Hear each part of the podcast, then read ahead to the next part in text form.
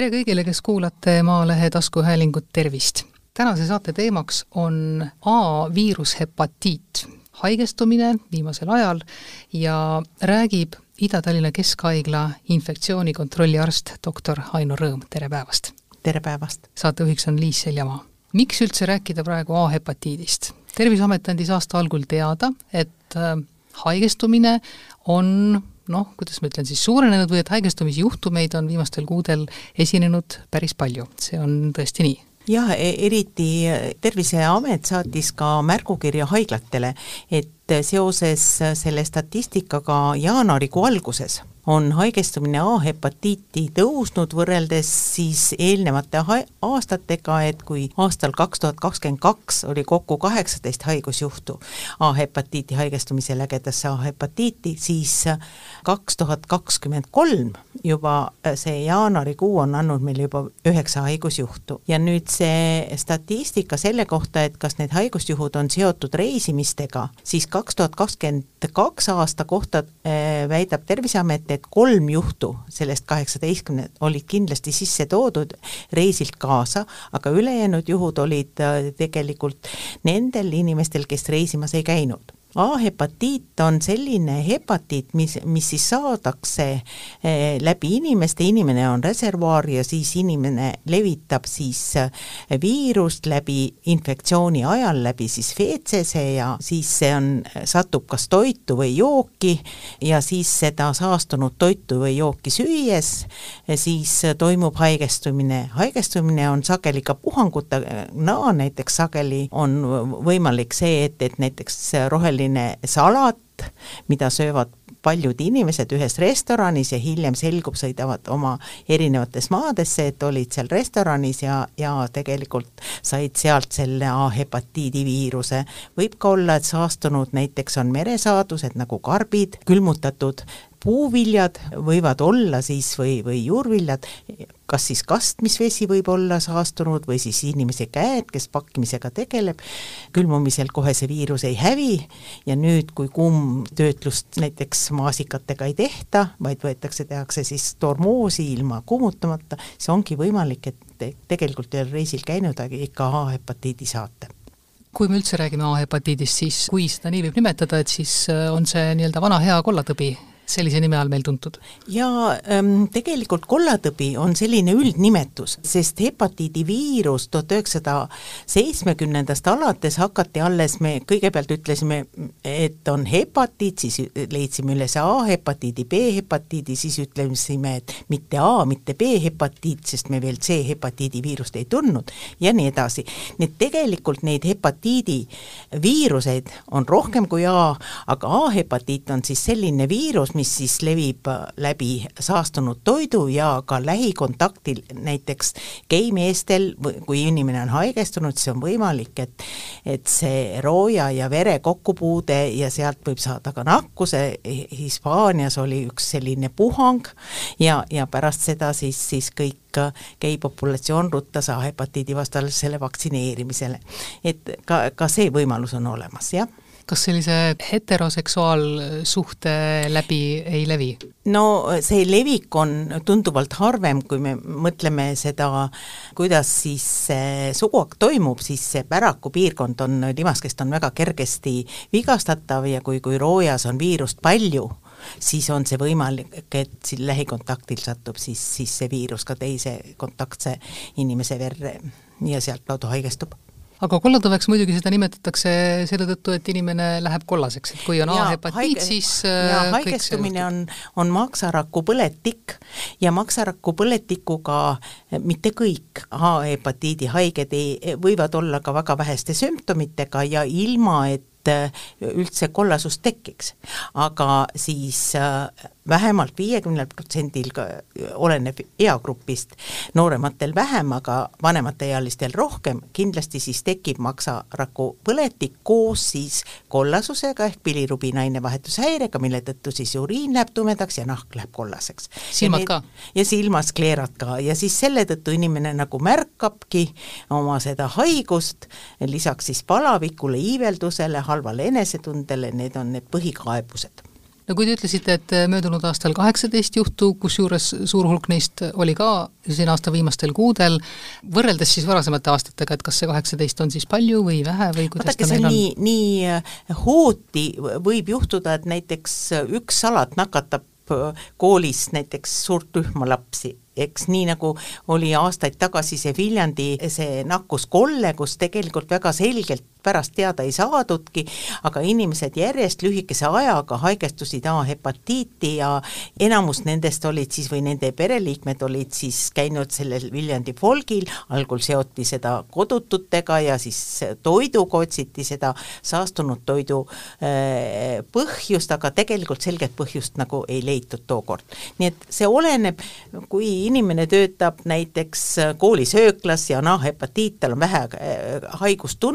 haigustunnuseid, siis ta on tööl, kui ta korralikku kätehügieeni ei tee, on võimalik, et tema kallab morssi ja haigestuvad näiteks paljud. samasugune võimalus on ka välismaal toorsalatite söömisel või, või kõik sellel toidul, mida ei ole kuumutatud või küpsetatud, seal A-hepatiidi viirus võib olla ja, ja kui sama toitu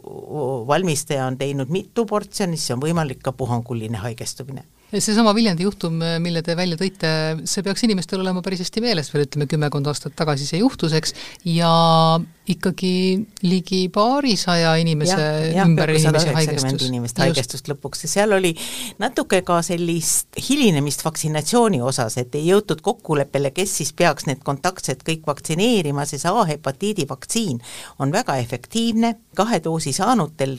immuunsus kestab praktiliselt kogu elu ja need inimesed, kes palju reisivad ja on käinud reisinõustamises, need enamus on teinud ka endale A-hepatiidi vaktsiini, et ta ei ole elus vaktsiin, ta on surmatud vaktsiin ja selle tõttu tegelikult tal selliseid kõrvaltoimeid on äärmiselt vähe ja ta on väga efektiivne, nii nagu ma ütlesin, immuunsus püsib elu lõpuni kahe doosi järgselt. Aga see ütleme, puhang tekitas inimestes ikkagi päris palju ärevust, ma mäletan, sest osad inimesed ka surid. Ja vaadake, A-hepatiit enamikel juhtul on kerge kuluga ja väheste sümptomitega, nüüd sõltub sellest, milline on inimese enda tervislik seisund ja kui vana on inimene. et on võimalik, et kui eelnev on maksakahjustus, võib haigust kulgeda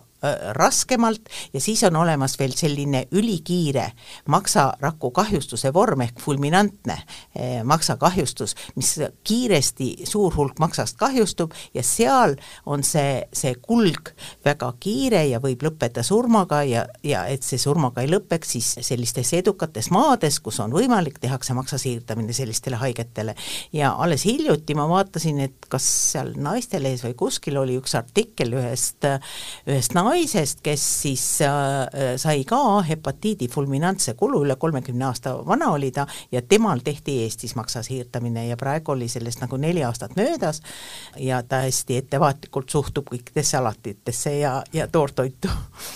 võib olla kerge ja võib olla ka raske vorm, eakamad põevad sageli raskemat vormi ja üks äh, veel äh, on selline halb haigusvorm, kus tekib see äh, bilirubiin ainevahetushäire, kus tek-, sapihapped on naha all ja annavad pikaajalise sellise sügelemise Mm. kolestaasiaks sügelemise, vot need on haigetele halvasti taluvad eh, vormid. Eh, muidu viirus on ise limiteeruv, ta, ta paranedes annab ka eluaegse immuunsuse ja tavaliselt kaks korda seda A-hepatiiti ei põeta aga see niisugune puhang tõesti selline kiiresti leviv ja, ja haarab palju inimesi, et see ongi põhjus muretsemiseks tegelikult? jah, kuna veel see peiteperiood on päris pikk, eks, et, et alates kahest nädalast kuni, kuni nelja nädalani vähemalt välja, siis inimesed jõuavad selle aja jooksul minna väga mitmesse sellisesse elukohta ja seal, kuna alguses sümptomeid on väike, aga vähe, aga inimesed võivad olla juba nakkusriski ülekandjad või viiruse ülekandjad, siis, siis haigestub mitte ainult see rühm, kes alguses nakatus ja kontaktne oli, vaid ka need järgmised pereliikmed. nii et selle tõttu see puhang võib minna äh, väga laiaks kuidas see nakatumine siis toimub, ütleme, inimene, kes on nakkusohtlik, äh, mida ta siis äh, teeb, kas piisab lihtsalt sellest, kui ta puudutab mingeid ei, samu ta sööb asju? ikka sisse selle, selle see peab olema kuidagi toiduga kontaktis? ta sööb ikka saastunud toidu sisse, ta kas käte kaudu siis saastab ise toitu näiteks või kui ta, kui tal veel viirust ei ole või on see toit juba eelnevalt saastatud, see viiruskandja, Äh, siis on, on toidu valmistamisel seda toitu saastanud ja nüüd, nüüd siis toidu tarbimisel või joogivee tarbimisel või, või näiteks karpide söömisel, Vahemere karbid on ka hepatiidi kandjad näiteks, siis te saategi selle viiruse, viirus organismis hakkab paljunema ja peiteperioodi lõpul hakkavad siis tekkima haigussümptomid. ja nii, nagu ma ütlesin, näiteks laste haigestumisel, kui ta kollaseks ei lähe, mõni päev kõht valutab, kergelt iiveldab, arvatakse, et sõi midagi valesti ja haig haigusnähud lähevad üle ja tegelikult ta on haiguse levitaja, aga ise ta väga haige ei ole ja selle tõttu see haigus levib nagu edasi A-hepatiit süüakse sisse, nii nagu E-hepatiit, aga E-hepatiit on epidemioloogiliselt levitunud just Aasia maades ja Kesk-Ameerikas ja tema eelkõige on ohtlik just rasedatele, sest sest seal võivad tekkida verejooksud ohtlikud ja, ja selle tõttu, aga need on mõlemad sissesöödavad hepatiidid, ülejäänud on vere ja, ja koevedelike kaudu levivad, seda teemat me praegu täna ei puuduta. aga A-hepatiit, äh, ütleme siis, et selle levik seetõttu ongi nii edukas, kui puhang juba kusagilt alguse saab, et äh, seda nakkust on võimalik saada siis lihtsalt? jaa, aga siin on ka kaks sellist äh, profülaktilist võimalust, esiteks kalendervaktsiiniks panna ka A-hepatiidi vaktsiin, et meie lapsed oleks A-hepatiidi vastu ja täiskasvanud vaktsineeritud, nii nagu ma ütlesin, vaktsiin on väga efektiivne ja eluaegne immuunsus, ja teiseks, kui on väga hea kätehügieen ja käte hügieeninõudeid kodus äh, juba õpetatakse ja inimesed jälgivad neid, eriti pärast tualeti kasutamist, siis see nakatumisrisk on väiksem. loomulikult nendes maades, kus hügieenitingimused ja puhta vee saamine on raskem, sellistes maades see hepatiidi saamise võimalus ongi suurem ja seal haigestutakse ka rohkem see, et ta meil äh, siiski ütleme, niisuguseid suuri puhanguid tavaliselt äh, kaasa ei too, seetõttu ka võib-olla ei räägita nii palju sellest vaktsineerimisest, ja ma mõtlen, te mõtlete nüüd seda, et laste kalendervaktsiinis A-hepatiiti ei ole. Ja vaadake, nende vaktsiinide lisamisel on alati see tulu tõhusus, et kui palju haigust me jõuame ära hoida ja kui palju see, kui riiklik vaktsiin on, kui palju see riigil maksma läheb. ja siis eelkõige eelistatakse kõigepealt need, kus haigestuvad rohkem inimesi ja siis seejärgi äh, need teised, teised vaktsiinid lisatakse no praegu Eestis see hepatiidi levimus ei ole nii kõrge, et me peaksime kaaluma jah, et võiksime A-hepatiidi panna siis kalendervaktsiini, mida infektsionist on selle poolt alati nagu te aru saate. aga kui on äh, näiteks sõitmist äh, kuskile, kus äh, A-hepatiit rohkem levib, siis võiks kaaluda enda vaktsineerimist enne seda sõitu? ja ma tegelen ka reisinõustamisega ja minu meelest inimesed on, on hästi sellised nõus, kui seletad ära, mis see on, mis on see fulminantne vorm, et see risk ei ole küll väga kõrge fulminant, konkreetset vormi, mis ma rääkisin teile, et et võib lõppeda ka kas siis surmaga või maksa siirdamisega, et, et kui seda inimestel rääkida, et ka selline vorm e-, esineb, siis enamus inimesi on ikkagi nõus en-, profülaktiliselt ennast ennem vaktsineerima, et vältida üldse selle haiguse teket kuidas tunneb ennast see inimene,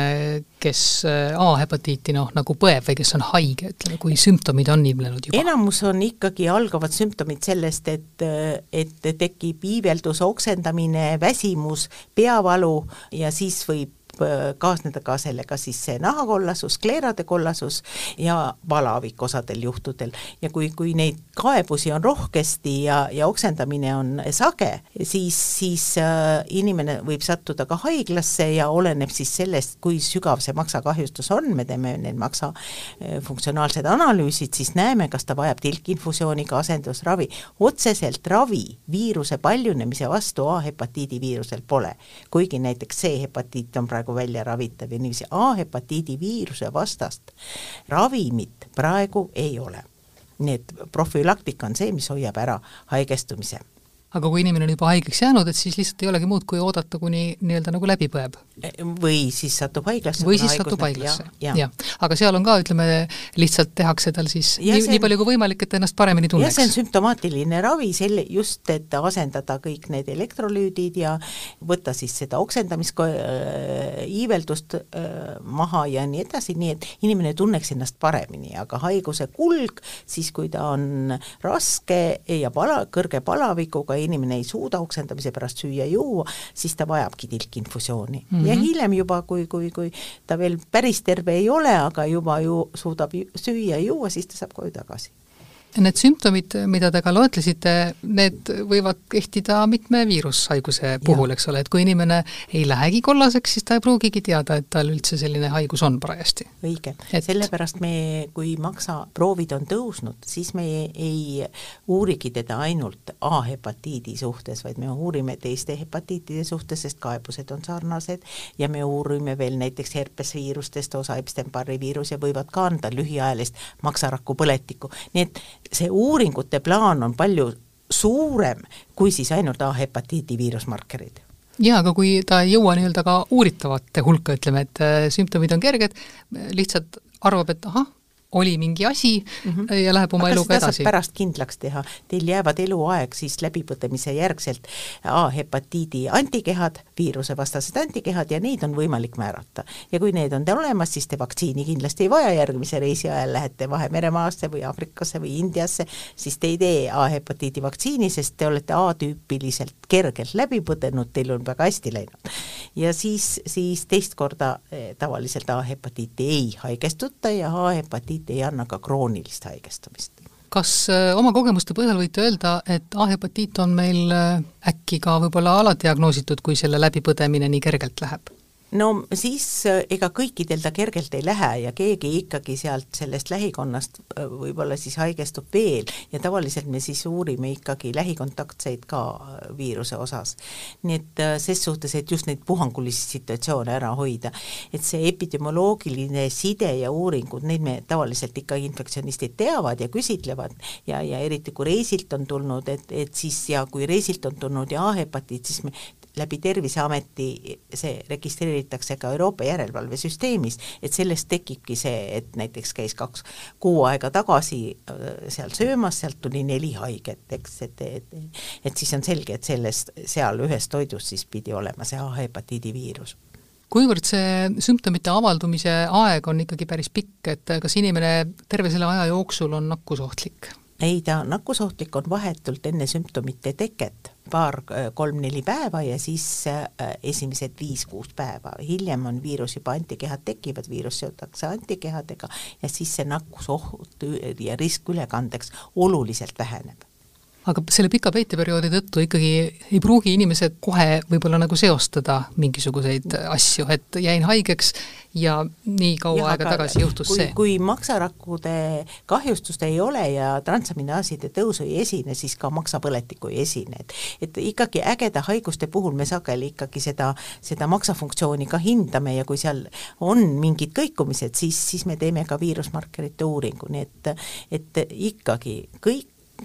kui te oma kaebused arstile esitate ja, ja oleneb siis nendest kaebustest, arst määrab selle esmase eh, uuringute eh, vajaduse ja selle järgi juba otsustab, kas te vajate viirusmarkerite uuringuid täiendavalt või mitte. Ja kindlasti ta siis teile seda ka räägib, mida ta uurib ja miks kui me jätame nüüd vaktsineerimise kõrvale äh, ja räägime sellest vaatest, et A-hepatiit on väga nakkav, kui kerge on seda vältida, et kas piisab ka niisugustest äh, suurematest hügieeni äh, nii-öelda nõuete järgimisest, et kui meil on olnud kokkupuude nakatunuga, et siis me ei jää haigeks? no ega nakatunu otsa vaadates seda haigust ei anna, eks, et te peate ikka selle sisse sööma või, või lähikontakt näiteks, kui tal on kõrge vireemia, siis sellel ajal, nii nagu ma teile rääkisin, ka sugulisel teel on võimalik.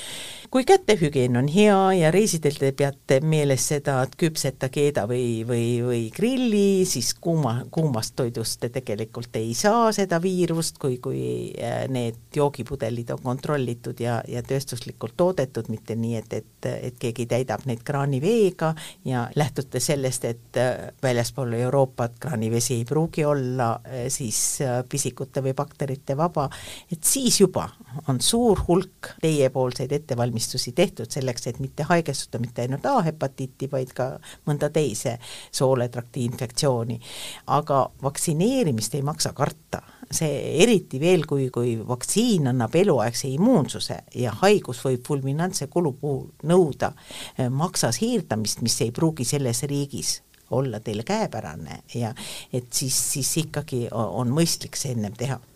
see on nagu see autokindlustus, kaskokindlustuse teete sellepärast, et, et te tahaksite, et teie auto kiiresti ära parandatakse ja, ja te võimalikult kiiresti ja ohutult saaksite edasi liigelda. vot selle profülaktikaga ongi nii, et seda saab alati enne ette teha, mitte hiljem aga see maksa siirdamise vajadus võib äh, tekkida ka siis järsku või kiiresti? ikka, ikka, sest see haigus, fulminantne vorm tähendabki seda, et haigus läheb kiiresti, maksarakud kõik on kahjustunud, tekib komatoosne seisund ja seal tegelikult sellise seisundi puhul on oluline, kas üldse see meditsiiniabi, piisav meditsiiniabi on käepärast, et teid suudetakse üldse elus hoida ja teiseks siis, et kas see maks on saadaval ja kas ta teile sobib kui te ütlesite, et kuumtöötlemise puhul viirus hävib, viirus hävib, külmaga seda ei juhtu? jah, kuni kakskümmend kraadi miinust äh, viirus säilib, jah. et siis sellest ka soovitus äh, mitte nii-öelda jääkuubikuid joogi sisse lasta panna? jaa, vähemalt võõral maal. ja teiseks ka siis, et need toormarjad ja, ja, ja need, et kui, kui te ei tea, kust riigist see tuli, siis see toormoosi tegemine külmutatud marjades mõnikord ei ole ohutu. on saadud just, just maasikatest on saadud, näiteks restoranis on pakutud ja, ja magus kogustoidu juures, kus on see kasutatud siis neid külmutatud marju ja on saadud hiljem A-hepatiiti seda muidugi väga armastatakse reisides või igasugustes huvitavates eksootilistes maades, et äh, süüa näiteks tänavatoitu või nii-öelda nagu suhelda kohalikega. tänavatoit on ju sageli kuumutatud, eks, et et see, see kuumutamisel noh, ütleme kaheksakümmend protsenti vähemalt patogeenidest hävib. et see, see ei ole nagu ohtlik, aga, aga siis see vesi, mis te kõrvale joote või need käed, mis sinna salatit panevad, see, see osa on siis, siis see, mis ei ole ohutu aga kui te eelnevalt olete vaktsineeritud, siis A-hepatiiti te ei saa. või läbi põdenud? või jah, aga parem on mitte läbi põdeda, ma arvan, nii nagu me kokku leppisime. et see võib olla asümptomaatiline, aga ei pruugi. kas on ka mm, mingisugused põhjused, mille puhul ei saa A-hepatiidi vastu vaktsineerida või ei ole soovitatav? Jaa, no äh, tähendab, ta ei ole elus nõrgestatud tüvega vaktsiin ja selle tõttu neid kõrvalnähte on vähe, aga individuaalne tundlikkus mingis osas või, või eelnev näiteks mingi vaktsiini osas on olnud anafülaktiline reaktsioon, siis alati selle tegemist tuleb ikkagi nõu pidada infektsionistiga, kes siis otsustab, kas see on ohutu ja kui ei ole ohutu, kas siis üldse, meil saab teha ka selliseid äh, immunoloogide juures, allergoloogide juures nüüd teste, et kus, kus saab vaadata, kas te, Covidi ajal me tegime ka ju osadel inimestel pärast esimest doosi näiteks tekkis naha selline ulatuslik lööve ja turse ja siis me e, e, enne eelnevat e, teist doosi kontrollisime, kas, kas talle üldse saab seda teha ja, ja enamikule sai nii et, et tegelikult tänapäeval on võimalik seda allergiat ka määrata. kartus on inimestel kõige suurem hirm. siis see inimene, kui ta ei saa vaktsineerida, peab lihtsalt oma käitumises olema väga ettevaatlik ja võib-olla rohelist salatit ei söö ja, ja on võimalik. aga nii ei ole, et äh, kuidas öelda, mul on makshaige ja siis ma ei peaks vaktsineerima? vastupidi, kui nii, nagu ma teile rääkisin, siis just peaks? just, sest maksahaigetel, kellel eelnev maksakahjustus on,